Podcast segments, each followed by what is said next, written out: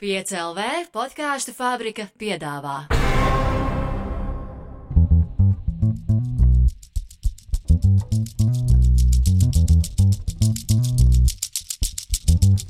Labdien!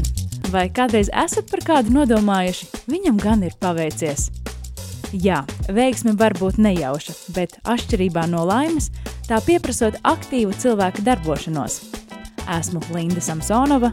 Šis ir raidieraksts Veiksme neveiksmē, kur sarunājos ar dažādu jomu profesionāļiem, ar kuriem mēs lepojamies. Par šķēršļiem viņu ceļā, kas paliek labo brīžu ēnā, taču man šķiet, ir ārkārtīgi svarīga karjeras sastāvdaļa.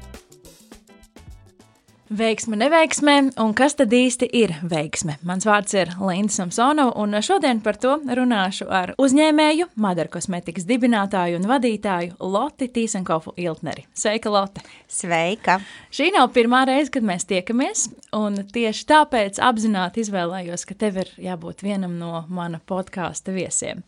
Jo, manuprāt, tā tava uzņēmība, apņēmība un vispār tas tavs stāsts ir diezgan iedvesmojošs, lai arī šobrīd šo vārdu daudzi vairs izvairās lietot Tiešām, tik daudz, jā. vai ne, jo visi mums tik iedvesmojuši, bet uh, tu tiešām man šķiet esi tāds uh, veiksmīgs paraugs. Un ja es uh, varbūt darbotos citā jomā, tad noteikti būtu tas cilvēks, kuram es ļoti, ļoti gribētu līdzināties. Nu, liels paldies, cik mīļi! Lotte, vai tu atceries, kas bija tā tava pirmā vēlēšanās, par ko tu gribi kļūt? Tās bija diezgan agrā bērnībā. Man bija, man liekas, kādi gadi.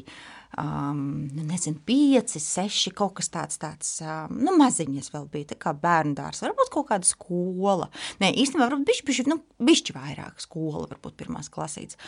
Un man kaut kā ļoti gribējās um, vai nu strādāt, vai kaut kā darboties tieši ražošanā. Es nezinu, kāpēc, bet man, man likās visas tās fabrikas un, un noliktavas ir tādas ļoti romantiskas, nu kaut kā tā.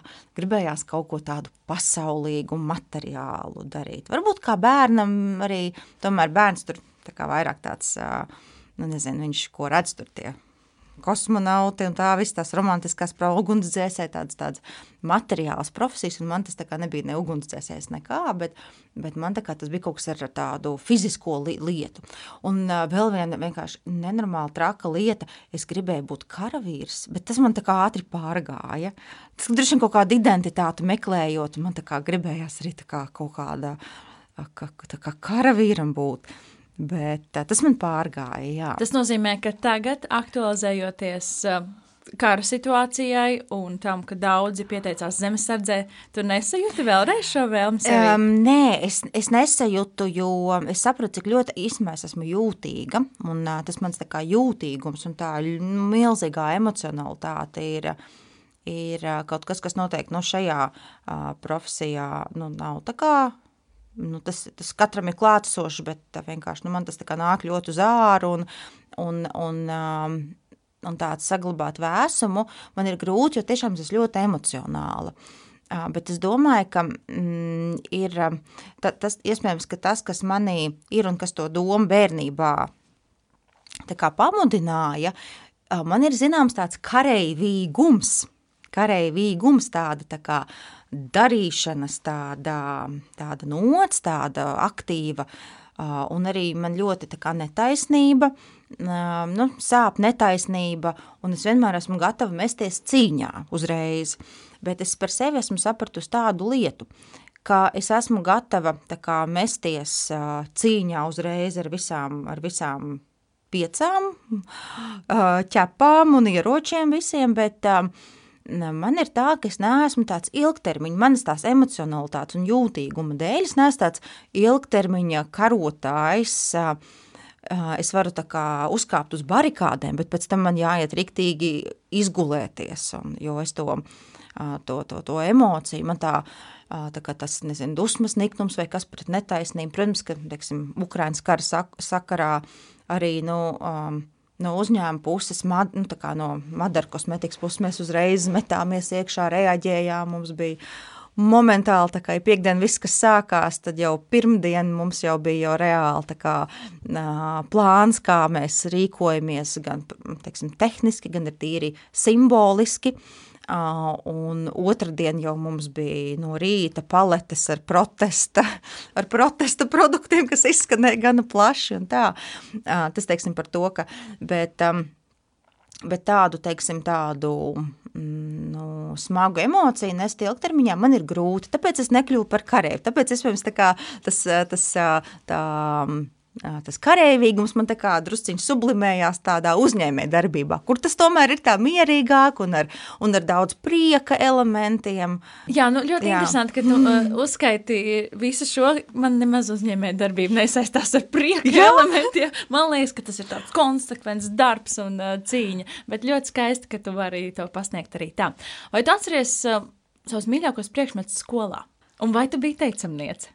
Es nebiju tāda īsta teicamniece. Man gāja tīri labi skolā, un pat ģeometrijas eksāmenē es pat desmit dabūju vai kaut kā tam līdzīgi, un matemātikas arī pat man bija labi, tur septiņi, astoņi, deviņi, kaut kas tāds, pat astoņi, vairāk septiņi, tā kā nē.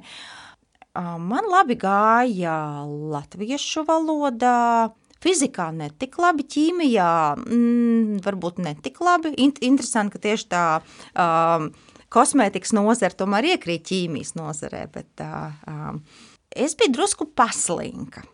Un slinkums nav, nav slikta īpašība, tu meklē veidus, kā varētu kā vēl paslinkot. Un atrod diezgan efektīvas metodas, kā organizēt lietas, tā, lai viņas tā kā notiek. Nu, ne gluži pašas no sevis, jo pats no sevis nu nekas nenotiek, bet tā kā saorganizēt. Un tāpēc tās man drusku tāda slinkuma dēļ, es nebiju tāda, tāda top teicamniece, jo es nebiju tā, kurai vienmēr kārtīga soma un kārtīgs. Man puse lietas mājās, īstās burtnīcas mājās aizmirstas, un tā man bišķiņ tas, tas radošums braucās iekšā pa vidu tai, tai, nu, tai teicamnieces karjerai.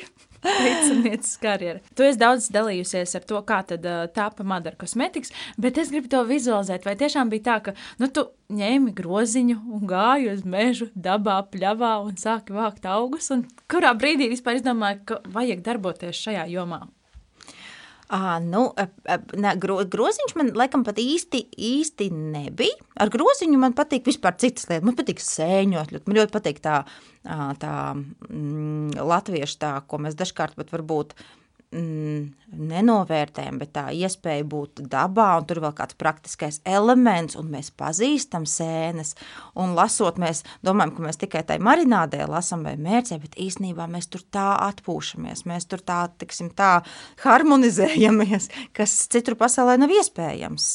Nu, tā kā, jo mums ir šīs brīnišķīgās tradīcijas, tas kā dabas ritmi un visi jāņi un, un saulgrieži un, un sezonālās dažādas lietas, Es jau redzu, ka tur tai plūmei, ka savvaļas plūmei pie ezera, tur tās plūmītes nobrauc garām, tad salasu un tā.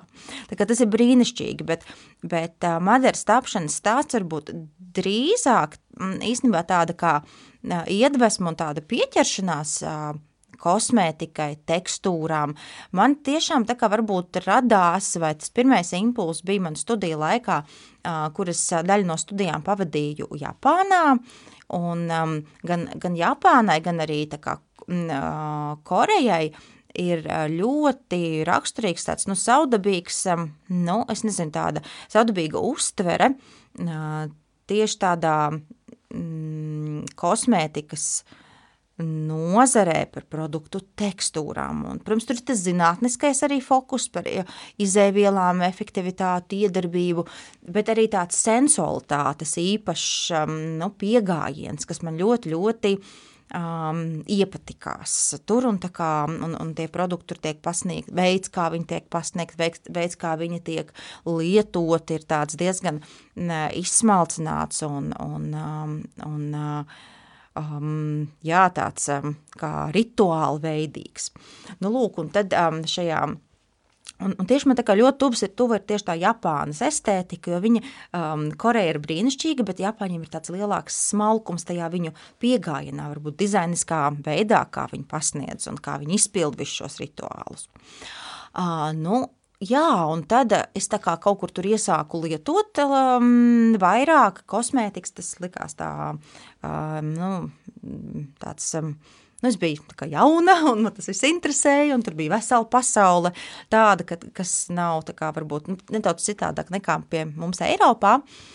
Un uh, tad es sāku mēģināt visu kaut ko, un tad es pietrūku, tad ir tā, tā Latvijas tā sēņotāja un dabas bērna dvēsele sāka tā kā kaut kā pīkstēt, ka jā, bet viss, ko tu lieto, tas ir tik sintētisks, un tas ir viss iepakots tādās plastmasās, nu skaisti jau ir, bet tie plastmasas, tie kalni, tas, nu, nu tā kā tur sāka tas dabas bērns pīkstēt, nu, tas ir viss brīnišķīgi un skaisti, bet, bet halo, mums ir planēta viena, ja, tā kā, un, un, un tad man šķita, ka visu to brīnišķīgo pieredzi, brīnišķīgās tās, kas ir ādas kopšanas rituāls, man tā kā kaut kā gribās pārveidot, lai tā mana tā latviskā dabas bērna dvēsele arī tur dzied un ir laimīga, un viņai nav pašpērmetumi, es riktīgi tā kā, nu, kad es pirku tos produktus un tās krēmu burkas, nu, nu viņas ir, nu, īstenībā, nu, iedomājieties, kā viņas nonāk vienkārši okeānā, pat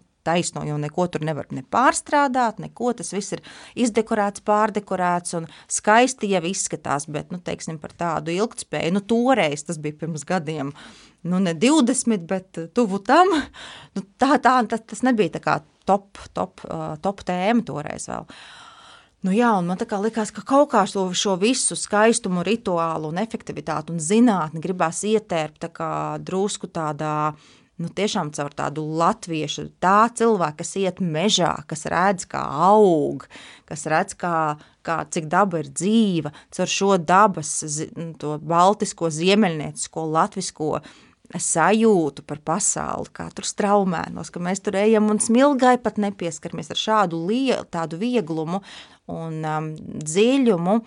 Gribējās tā kā to visu tekstūrai no bagātību ienest, nu tā kā notransformēt šo drusciņu kosmētikas brīnumaino pasauli. Un tāpēc tā Madara kaut kā sākās, jā. Bet cik interesanti, ka tu biji jauna meitene patiesībā. Manuprāt, ka tādas jau globālas pārdomas par šīm tēmām mums tomēr ir, nu, ap 30. Jau, ka mēs esam paši iztrakojušies, savākuši tos plasmasas kalnus, izlietojuši un nedomājuši, un tad, tad mēs sākam vairāk domāt, pirmkārt, ko mēs lietojam uzturā, ko mēs smērējam uz sev uz sejas un tā tālāk. Tāpēc man tas šķiet ļoti interesanti, ka tev tev, tev šis jau ienāca prātā daudz, daudz ātrāk? Nu, es, man kaut kā tas tiešām, nu, par to ēšanu tu minēji, un uh, man tas um, kaut kā tā ēšana, mm, uzturs man atnācis par 13 gados, es nezinu, kā es domāju, ka būšu veģetāriet, un tad es sāku no, tas bija tāds, man nav iemeslu tā kā racionāli izskaidrojumu tam, kāpēc es pēkšņi izdomāju, un viss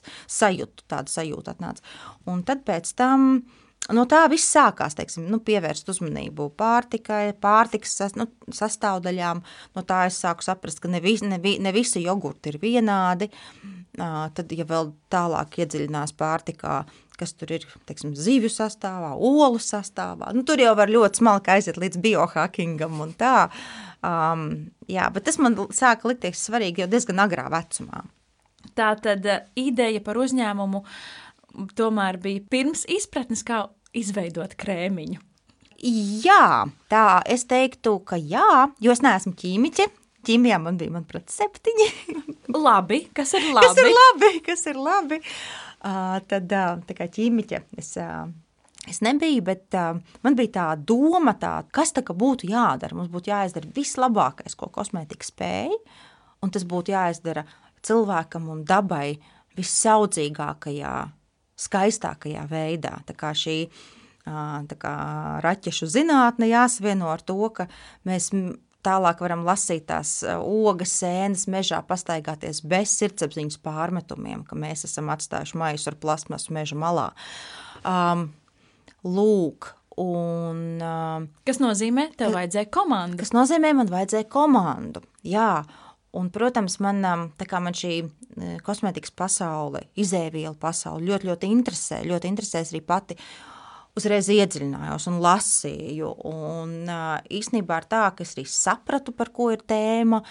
Un, ļoti iedziļinājos tiešām šajā mm, nozarē, sastāvdaļās, individuālās sastāvdaļās. Un es sapratu apmēram, kā, kādi teiksim, cilvēki ir vajadzīgi. Ir vajadzīgs ķīmiķis, ir vajadzīgs ir vajadzīgi teiksim, ķī, teiksim, ķīmiķis kā tāds metafora. Tagad ir, vai, ir komanda, kas ir izstrādes, izstrādes komanda, laboratorijas komanda. Tad ir nepieciešami cilvēki, kas arī saprot, kā to visu var. Man patīk šie ļoti skaistie, teiksim, tāds minimalistisks, drusku, ko es, jā, man ļoti patīk šī Japānas estētika, tāds viegls, skaists, tīrs uh, dizains. Tad, tad ir attiecīgi kāds, es arī neesmu dizainere, zīmēšana padevās, bet es to nevaru izdarīt. Tad man attiecīgi bija vajadzīga kāda nu, dizaina, mārketinga kompetence, kas to varētu izdarīt. Un, un tā soli pa solim es sāku teiksim, meklēt cilvēkus, un man bija brīnumainā kārtā paveicās tiešām atrast fantastiskus, fantastiskus kolēģus un partnerus, kas joprojām, ar kuriem joprojām mēs strādājam. Uh, uh, kopā. Un tas ir brīnišķīgi, un tā, tā kā soli pa solim, cilvēku pa cilvēkam, sarunu pa sarunai. Tā kā izveidojās, nu, mēs bijām daži pirmie cilvēki, kas tā kā sāka. Bija mazā, mazā telpiņā, līdzīgi kā šī studija, cik te kvadrātmetru kādi. Nav 20, nu, pats maz, mazāka tā, bišķi, ne, apmēram šādā lielumā, tāda bija tā mūsu pirmā laboratorija, kā 20, 25 kvadrātmetri, kaut kas, varbūt vairāk. Uh, Nu, lūk, un tā mēs sākām. Visi darījām visu, ko mācījām, viens otram palīdzējām. Nu, tā no tādas mazas, kā mēdz teikt, garāžas uh, projekti, tā apmēram tāda arī bija. Visi bija entuziasti savā jomā? Noteikti. Visi bija entuziasti un uh, gribētu cerēt, ka joprojām tādi esam. Jo es ticu, tu minēji par to, ka uzņē, uzņēmē darbība tā kā, liekas, grūts, sistemātisks darbs. Tā, protams, ir, bet um, viņš paliek, um, viņš paliek tāds, nu, tā kā tiešām grūts un smags, tad, ja tev, ja tas nav sirdslieta, bet ja darbs ir sirdslieta, nu kā tev, ja tas staro man priekšā tos acis mirdz vairāk kā sudraba mikrofons, Mm. Vajag kompliments. Bet tā kā nu, mirdz, vai ne? Un tā kā, ja tev, ja tev patīk lieta, ja tev aizrauja lieta, tu tā kā viņa tev, viņa tev dod spēku, un tas ir brīnišķīgākais strādāšanas veids, ja tev tā lieta, ko tu dari, nevis tikai prasa spēku, bet kas arī tev spēj dot spēku. Tā kā ir tāda attiecīgi līdzsvarota apmaiņa. Noteikti daudzus mulsina tas starta kapitāls. Jo, pirmkārt, kur dabūt šo 11 kvadrātmetru telpu? Kā jūs tikāt galā ar to? Nu, manuprāt, ka šobrīd ir pat vēl vienkāršāk nekā tajā tālajā 2005. 6. gadā, kad mēs sākām. Bet pirmās telpas mēs, mēs izmantojam dažādas inkubatoru programmas, dažādas palīdzības fondus, tur sieviešu atbalsta fondu un ko tik nē. Tā kā katru mazo to palīdzības formātu uh, mēs izmantojām, un tas patiešām palīdzēja. Tur viens, viens iedod kādu telpu par brīvu vai par tādu, nu, nu teiksim, ir vairāk šie tā inkubatori, startupā, vides un tā, un tā tālāk, kur tu vari tā kā nākt un, un strādāt, un kas iespējams iedod. Mums bija, piemēram, tāds fonds, kas nosedza vienu cilvēku algu uz kādu periodu, un katru no tiem mēs izmantojām. Un manuprāt, ka tagad mūsdienās ir vēl vairāk šo instrumentu, ko var izmantot jauna biznesa veidotāji. Un manuprāt, ka tie ir ļoti, ļoti liederīgi, ļoti vajadzīgi, un, jo tiešām pašā sākumā ir katri 100 eiro ir ļoti no svara. Ļoti, ļoti. Tad mēs domājam, nu, ko, nu, ko mēs varam tā kā paši, kur mēs varam kaut ko sarunāt. Nu, tā kā liekot tā, jā, nu. Puzli. Puzli, resursu pie resursa arī lēnā garā sanāk. Protams, ir ļoti, ļoti svarīgi domāt par, um, tu sāc, tu kaut ko izveido, tu atrod vietu, tu izveido kādu prototipu. Uh, ļoti svarīgi to testēt un runāt un, un pārbaudīt, jo ir ļoti, ļoti svarīgi turēt tā kā fokusā, nevis varbūt tik daudz um, kas, kas man personīgi patīk, lai gan tā arī ir lieliska metode. Bet ļoti vienmēr konsultēties, jā, konsultēties pēdiņās ar tirgu, ar cilvēkiem, ar draugiem, radiem, rādīt viņiem divus variantus, A vai B jūs izvēlaties. Un tad uzreiz var redzēt, uz ko tā kā vairāk var būt. Um, tā kā gan tā pašam sava tā sajūta, gan arī to vienmēr verificēt ar apkārtējiem, ar tirgu. Un tāpēc um, man liekas, ir labi, ja to produktu var diezgan, ja var palaist tirgu, skatīties, ko saka, un tad kaut ko pamainīt, un atkal kaut ko, un atkal kaut ko pamainīt, līdz ir tā, ka ciešam tirgus novērtē. Labi, jūs esat tikuši pie saviem pirmajiem produktiem, bet kur rast to pārliecību un spēju pārliecināt, ka tas tiešām strādā? Jo, manuprāt, mēs jau tomēr esam tādi skatāmies taisni uz priekšu. Nē, mums ir tas krēms no tādām izēvēm. Kāpēc tagad man varētu kaut kas ar bērnu sulu, piemēram, sastāvā palīdzēt un būt labāks? Jā, Madaras um, pašā gan iesākumā, gan arī īstenībā visus darbības gadus um, mēs esam stāstījuši par vērtībām, kas mums ir svarīgas. Un tas apmēram ir tas, ko es ilustrēju ar to, ar to kas man ir iedvesmojis kas ir tā ļoti tāda smalka zinātniska pieeja sastāvdaļās un, nu, teiksim, tekstūrās un efektivitātē, un tā savienošana ar dabu, lai, lai tas tās sastāvdaļas, lai viņas ir efektīvas, bet lai viņas ir no dabas iegūtas, nevis, teiksim, ķīmiski sintezētas un lai iepakojums ir ilgtspējīgs, nevis izdekorēts ar kristāliem un, un mākslīgā stiklā, akrilā, kas vienkārši nu, sadedzināšanai var terēt, bet ne otrreizējai izmantošanai.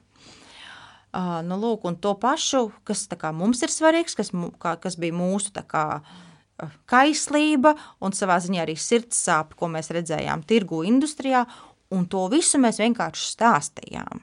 Cilvēkiem dalījāmies, mūsuprāt, šis ir svarīgi, mūsuprāt, šī ir nākotne, um, Un um, nu, šo stāstu stāstot, sarodas domu biedri, kam tas ir svarīgi. Un, ja tu stāsti no sirds, tad tiešām rodās domu biedri, kas domā, domā no sirds, tad, tad ir nu, vairāk cilvēki izrādās domā līdzīgi un tā kā kaut kā izveidojās to pirmo atbalstītāju loks, kas, ir, kas mēdz būt ļoti kaislīgi, un viņi stāsta citiem. Tā, mīļie, tagad, kas mums ir tajā kosmētikas maciņā, cik tas ir labs. Un tad šādi, šādi nu, maz pamazām aiziet stāsts. Un tā bija ēra, kad nebija sociālajie mēdī. Iedomājieties, mēs esam no tā kā aizpagājušā gadsimtā tas sākums ir noticis, lai gan tie ir tikai 17, gan, nu, tūdaļ būs 17 gadi, jā. Ļoti viss nomainījies, ļoti, ļoti nomainījies. Uh, stāstīt, runāt no, no mutes mutē. No mutes mutē ir lieliski, ir, protams, ir arī visi daudzi jaunie kanāli, uh, kas ir, um, nu jau ne jaunie, nu jau norietošie. Drīz jau būs kaut kas jauns. Drīz jau būs kaut kas jauns, ne metavers un viss, un viss šis, um, jā, citi pilnīgi jaunie kanāli, tā kā, bet ņemot vērā, teiksim, Madars pieredzi, salīdzinoši arī nu, tādā vēstures kontekstā, tomēr tikai, tikai 17 gadi, mēs esam piedzīvojuši ļoti, ļoti lielas um, nu, tādas tirgus uh, uzvedības izmaiņas, kā cilvēki iegūst informāciju, kā, kur viņi vispār iepērkās. Mēs bijām vieni no pirmajiem, kas ir tādā online veikalā, tā kā sāka tīri profesionāli darboties uh, un um, online vidē. Un um, vienīgais kā, secinājums pēc um, šīs nu, 17 gadus ilgās darbības ir tas, kas ir nemainīgi, ir uh, tas, ka tirgus mainās, un tev ir jābūt uh, spējīgam klausīties, dzirdēt un just, kas notiek. Jo, teiksim, tāds uh, startup stāsts pirms uh, 17 gadiem, teiksim, tas kā, kā tika darīts, uh, var ļoti, ļoti atšķirties no tā, kas var nostrādāt šobrīd. Lai gan tādi pamatprincipi, klausīties, ausīties, darīt no sirds, tie darbojās vienmēr. Bet tā vide, viņi ir visu laiku pamainījusies, katru gadu no jauna. Kaut vai pēdējie pāris gadi mums taču ir viss pilnībā izmainījies, kā mēs uztveram pasauli, kā mūsu prakses Bet uh, ir kaut kādas lietas, kas nemainās. Tas, ka cilvēks ir cilvēks, tas, ka cilvēks grib godīgas attiecības, godīgi ar otru cilvēku, ar otru personību, vai tas ir cilvēks, vai tas ir zīmols, vai vienalga zīmola ir cilvēks. Gala beigās tas viss ir, teiksim, tiešām par cilvēku, cilvēks cilvēkam. Un ja to dabūna pareizi, ja tur nav tāda tā kā tikai, ai, tur kaut kādu tur sadarīsim, kaut ko ātri papārdosim un tā, ja tas ir no sirds, tad tas, un, protams, arī, ja ir tā kā bišķiņa gudrība pielikt klāt analītika, tad, tad ir, ir cerība, ka tas, ka tas aizies. Vai jūs saskārāties ar kādām, nu, piemēram, problēmām likumdošanā, kad likās, nu, es pret šo ir grūti cīnīties pret kaut ko? Nu, um, tādas, tādas um, kritiskas problēmas likumdošanā nē, nu, ka, kas tā kā būtu kaut ko apturējušas, bet, protams, ir šādi tādi nieki.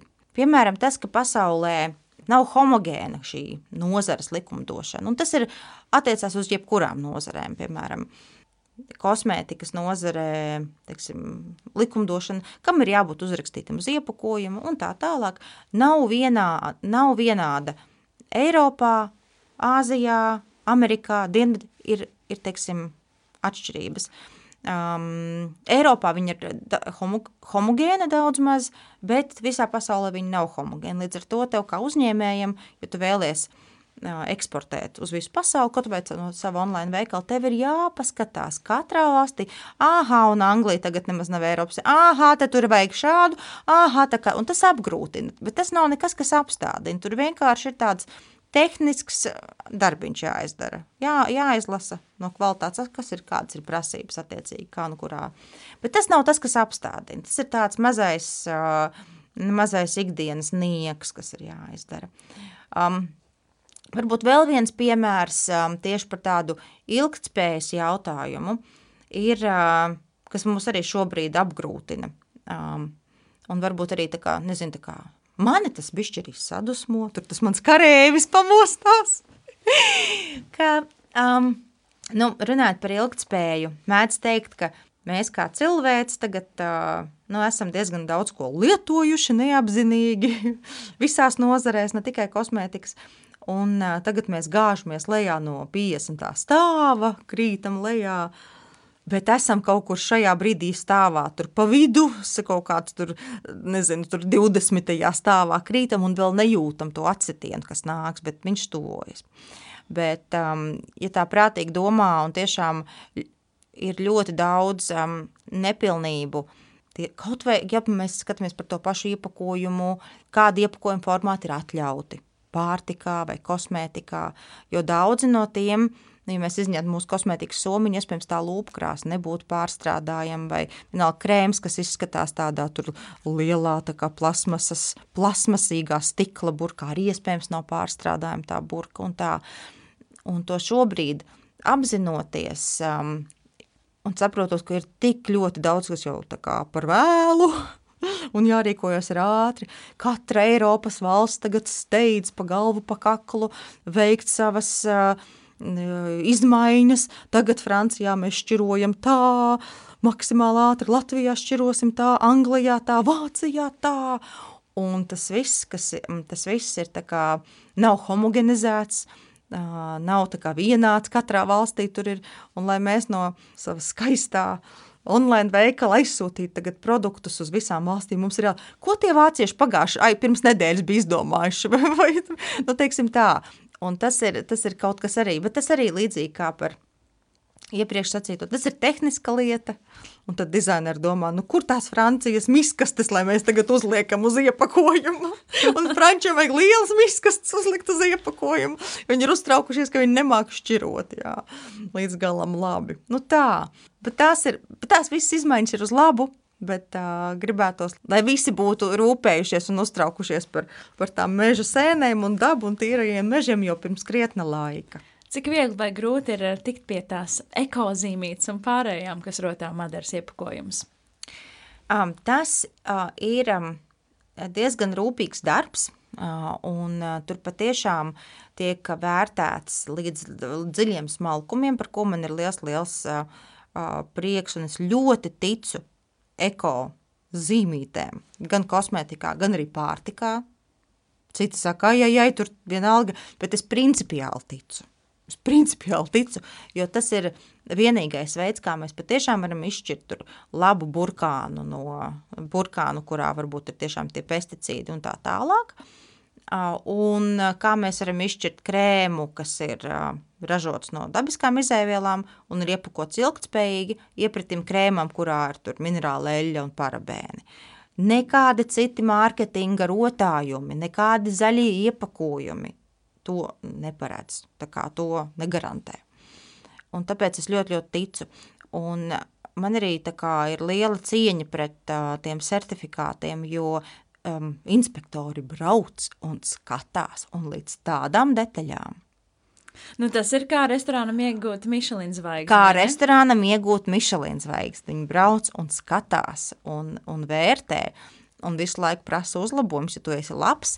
Nu, vienalga padomā, kā tu vari būt vēl labāks. Tas ir visu cieņu un um, tas ir uh, arī teiksim, visu cieņu Madaras laboratorijai un, un cilvēkiem, kas ir pie produktu izstrādes un ražošanas, jo lielākoties no izēvielām mēs nedrīkstam izmantot, kas ir kosmētika atļauts, bet, ja grib to eko, ekosarta certifikātu, mēs nedrīkstam izmantot. Piemēram, kā mēs izstrādājām skropstu tušu, tas vispār bija cirks. Iedomājieties, ka ir kaut kādas izēvielas, no nu, ar ko normāli var panākt efektu. Viss mums ir ar sasietām rokām aiz muguras jāstrādā. Jo mēs neizmantojam tur sintētiskos polimērus, kas par šķidro plasmasu tiek dēvēti.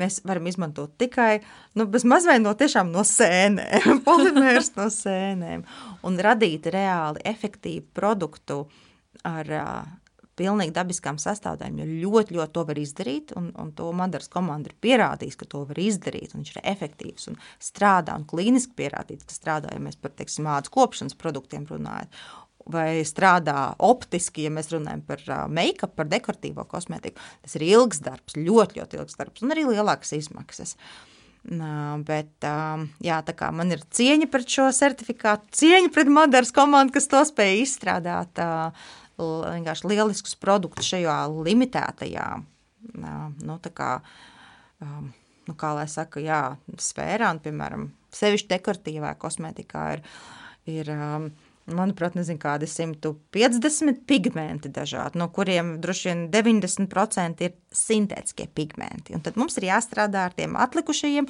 un jāmēģina no ogām izkasīt sarkanais pigmentiņš, ko lūpkrāsā ielikt sarkanajā, jo mēs neizmantojam šos sintētiskos sarkanās krāsvielas, kas ir nu, lūpkrās pamatā.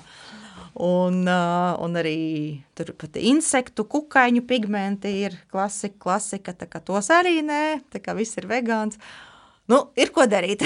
ir, un izklausās, ka Madaras komanda ir tāda, kurai patīk izaicinājumi. Un patīk izaicinājumi. Patīk, patīk izaicinājumi. Bet jā. tomēr, atskatoties uz vairāk šiem nekā 15 jā. gadiem, kas ir tas, ko nu, tagad tā godīgi sakot, tu būtu darījusi citādāk? Mm, ko es būtu darījis citādāk?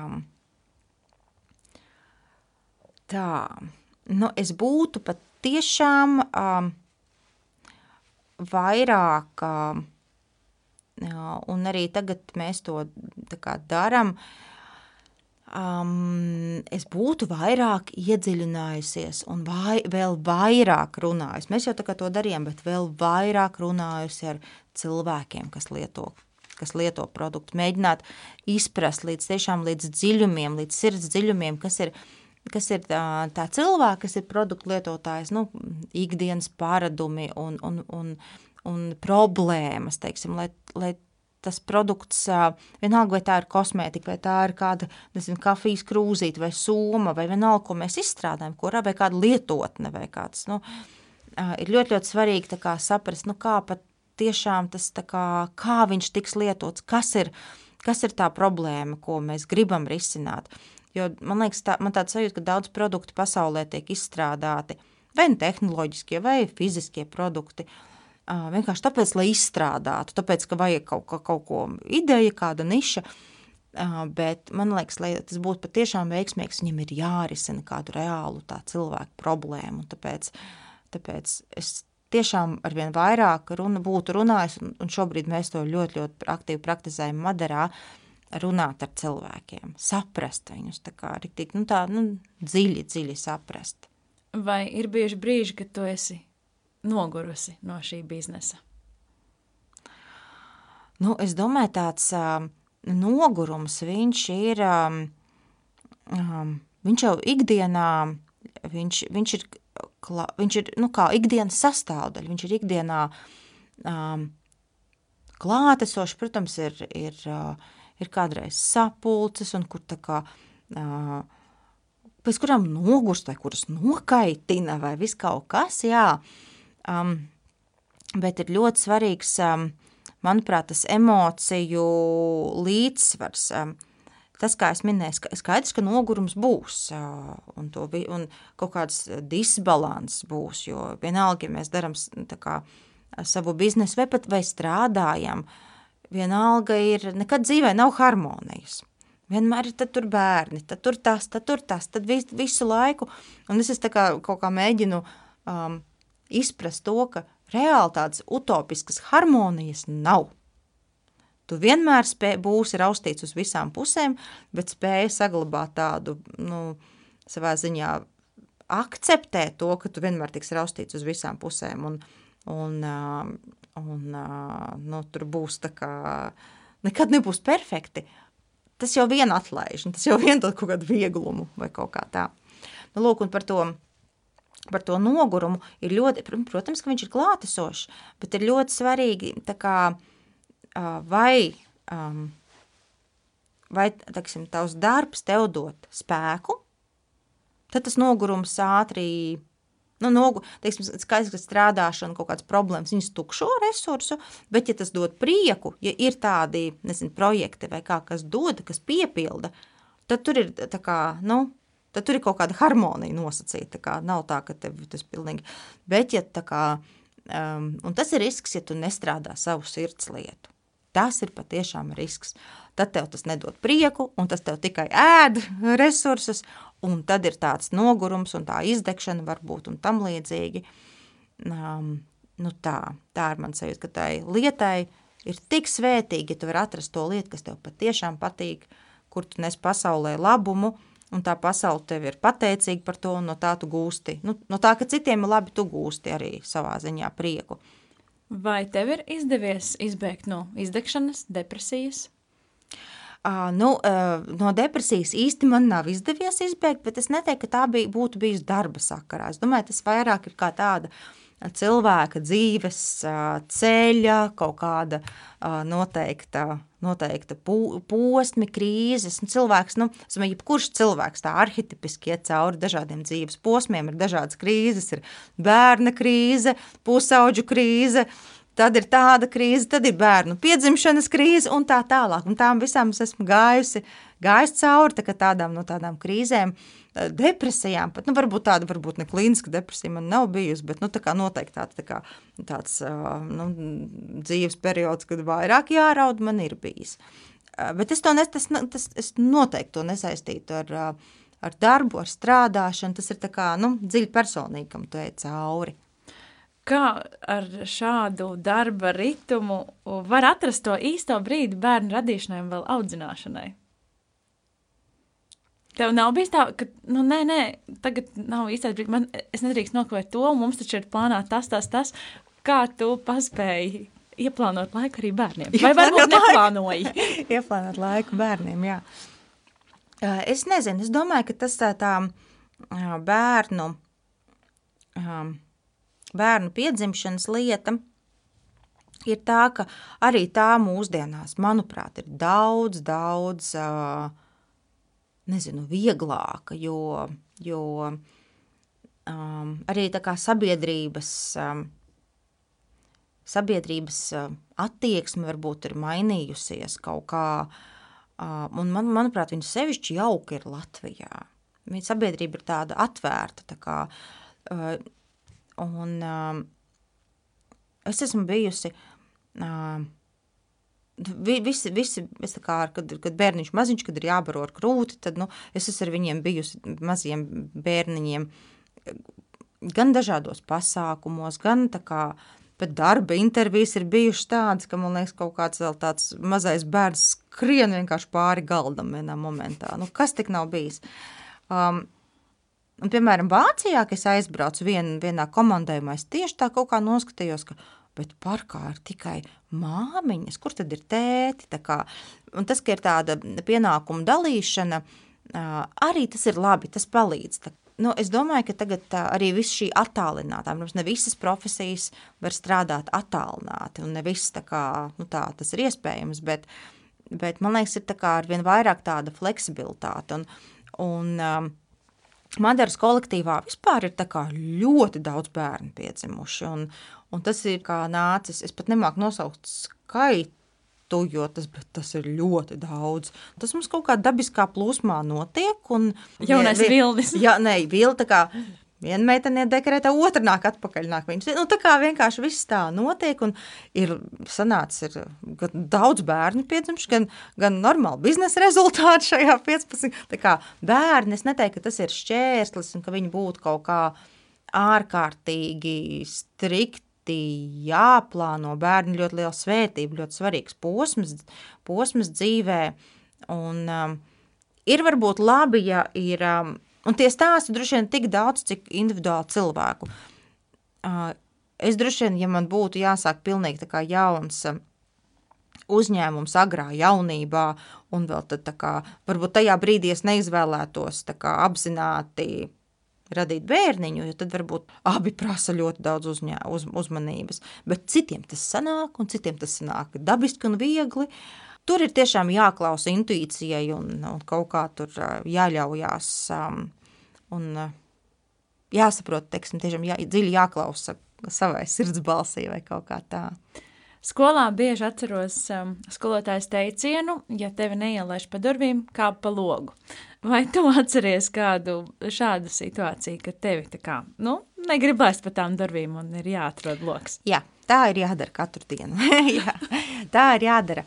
Tā ir jādara katru dienu, jo tāda, zināmā mērā, neatlaidība. Nu, kā nevar izdarīt? Nu, kā nevar izdarīt? Nevar galdu ienest, nu, pārzāģē, ienes, samontē, uzliec kaut kādu dizainu pa vidu iekšā, dēlī, lai viss būs smuki.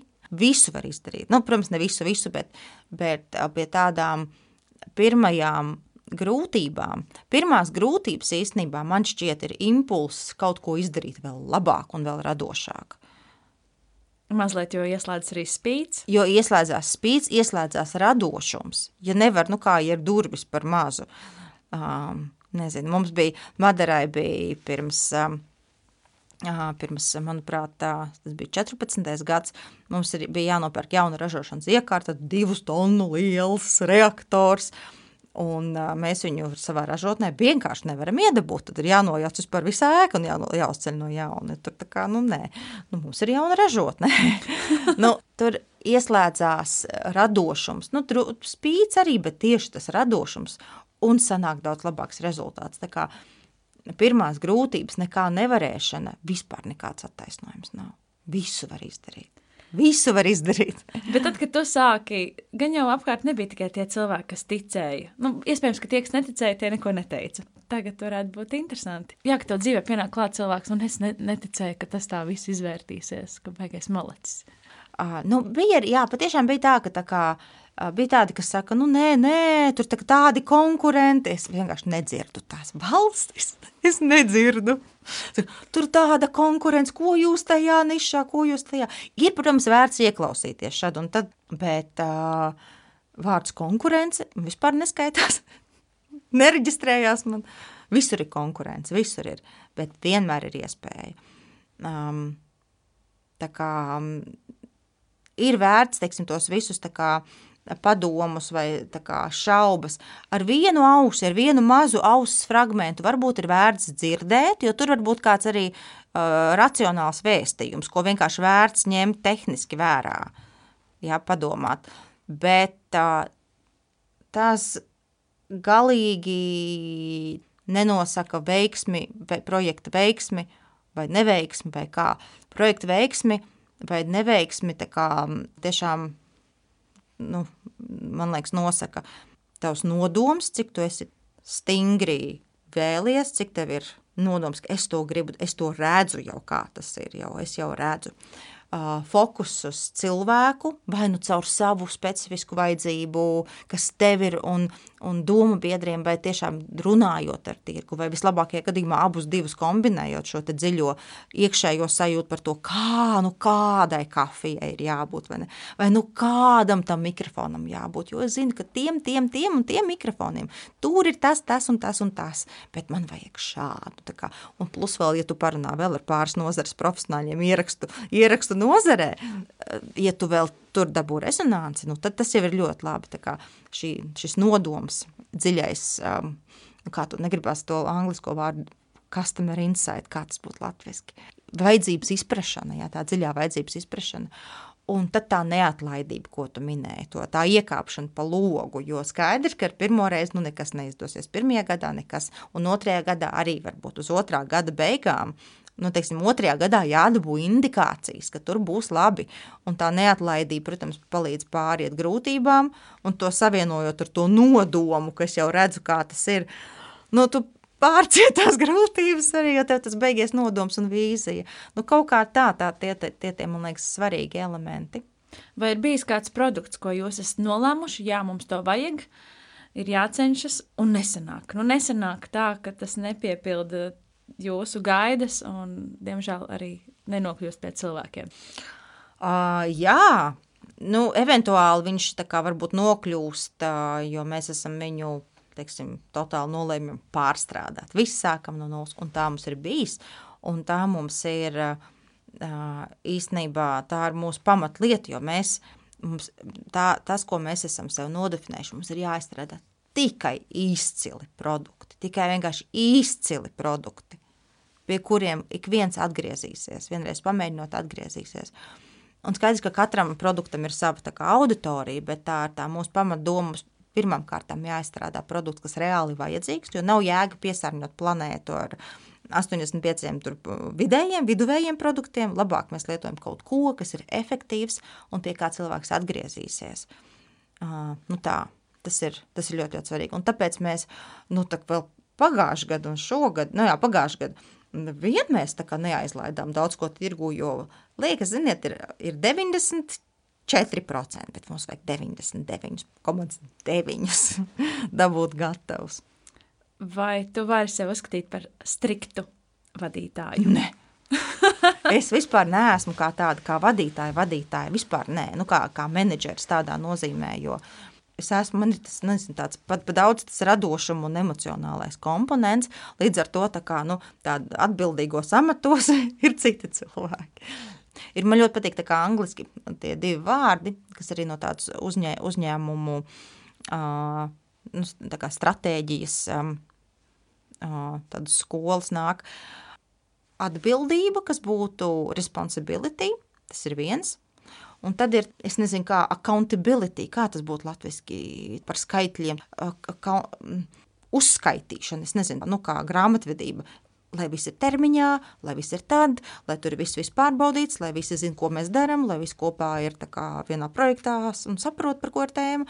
Nu, tāda uh, strikta atsakošana pretēji tādai atbildībai, un es galīgi neesmu striktās atsakošanas cilvēks, nu vispār, es varu visu aizmirst un tā. Uh, Tā Bet, tad ir arī ļoti vērtīgi apzināties tās savas mīnus puses. puses un... Stiprās un mīnus puses ir jāapzinās un ir jāveido komanda ar maksimāli dažādiem cilvēkiem. Jo, ja mums ir maksimāli dažādi cilvēki, mēs maksimāli nosacām, uztaisam ideālo Frankensteinu. un noslēgumā tu esi izteikusies, ka tas tiešām, kam nepiekrīti, ir latviešu vaukšķēšana. Jā, jā, tas man bija tāds. bija tāds.